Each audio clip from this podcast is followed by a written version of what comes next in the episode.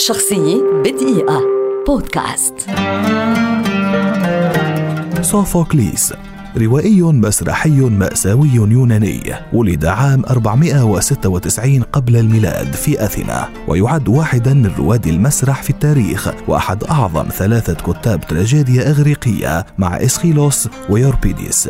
بالإضافة إلى كونه أغزر شعراء عصره في مجال كتابة المسرحيات التراجيدية كان أيضا نشيطا للغاية في الحياة العامة الأثينية فقد تولى العديد من المناصب وكان قائدا للجيش الأثيني على زمن بيريكليس فضلا عن كونه بارعا في الجدل والمناظرة ومفكرا كبيرا.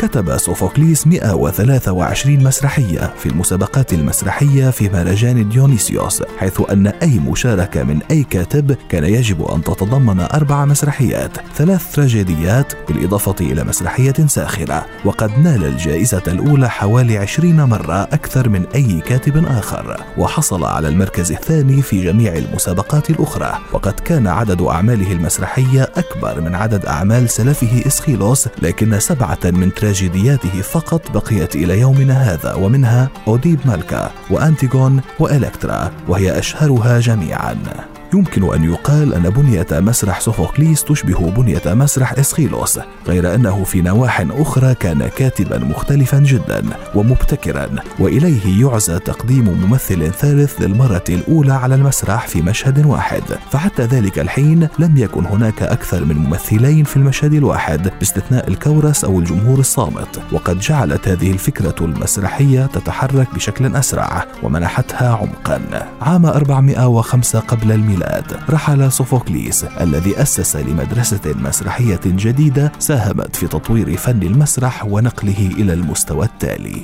شخصية بدقيقة. بودكاست.